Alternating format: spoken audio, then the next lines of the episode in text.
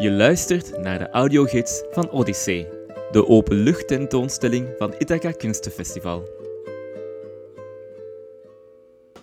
Hier vind je twee kunstwerken. Enerzijds heb je O van Wouter Persijn, het grote ronddraaiende zwarte object, en anderzijds de drie tv-schermen, het kunstwerk van Xi Zhu. Eerst kijken we naar het werk van Wouter Persijn. Dit is O van Wouter Persijn. Het project waar Wouter Persijn mee is afgestudeerd als meubelontwerper is Gordon. Een kast waar een vreemde opening in zit, die een perfecte cirkel vormt, maar alleen als je vanuit een exact standpunt naar de kast kijkt. Nu, je hebt misschien gezien dat hier voor jou helemaal geen kast staat. En je vraagt je misschien af waar ik over bezig ben. Wel, voor jou draait O, wat eigenlijk de opening uit Gordon is.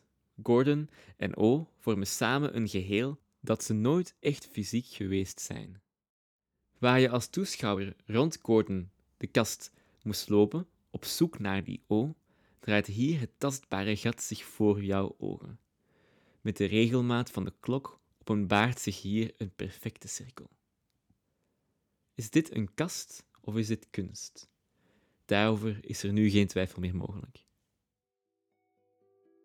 Nu kan je de audiogids pauzeren om het werk van Wouter grondig te bekijken.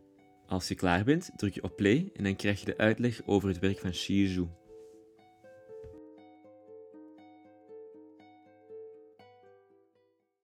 Dit is het werk van Zhu.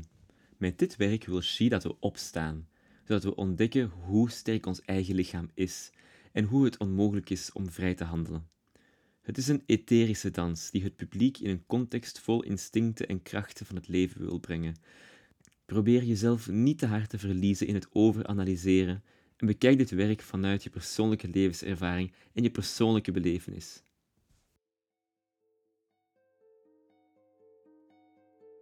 Pauzeer je audiogids en neem de tijd om het werk van Xi grondig te bekijken. Ben je klaar? Druk dan weer op play en ga naar de volgende stop. Dat zijn de werken van Annelotte Lammertse en Eva-Maria Bouillon. Aan het begin van de Mechelse straat in Stoffe Pauli en Apotheek de Zevenhoeken. En nu gaan we verder met Vier Margriet.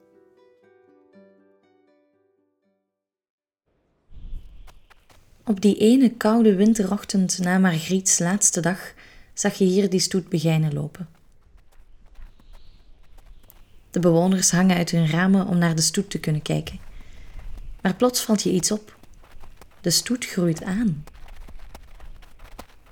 Bij het Anatomisch Theater bestond de stoet uit een dertigtal begijnen, maar nu is hij aangezwollen tot honderden personen. Je ziet nu dat uit de huizen vrouwen en meisjes die eerst uit hun ramen hingen, nu in hun nachtjapon op hun simpele sloeven hun warme huis verlaten en zich bij de bende aansluiten. Maar je ziet ook, dit is geen vrolijke stoet. Geen uitgelaten gezichten, geen feestlawaai. Ze doen dit zeker niet voor hun plezier. Hun gezichten staan triest, woest, strijdvaardig. Je hoort gefluister. De tocht gaat tot aan de Keizersberg. Ze gaan rechtstreeks naar de woning van de hertog. Je hebt het misschien geraden. Dat rood-wit-rode doek vooraan is niet zomaar een doek. Het is een lijkwade.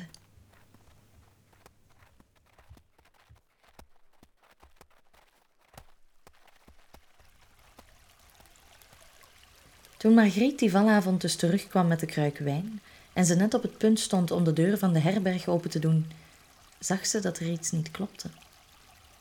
Toen ze vertrokken was, had uit de deur vrolijk gelach geklonken, maar nu was het ijzig stil.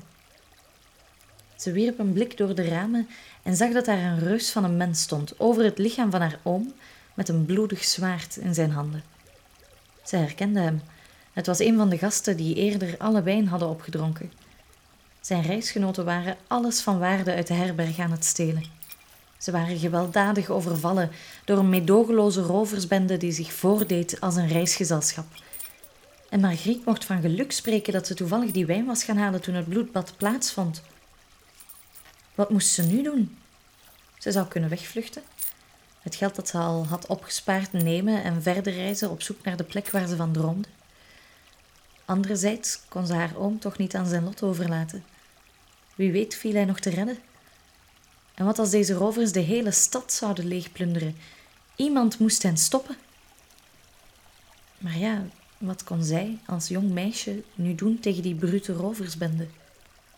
En daarnaast, ze was de mensen van de stad, waar de mannen haar geen plek gaven voor haar dromen, toch niets verschuldigd. Haar hart, eerst vol moed, liep leeg en vulde zich met twijfel.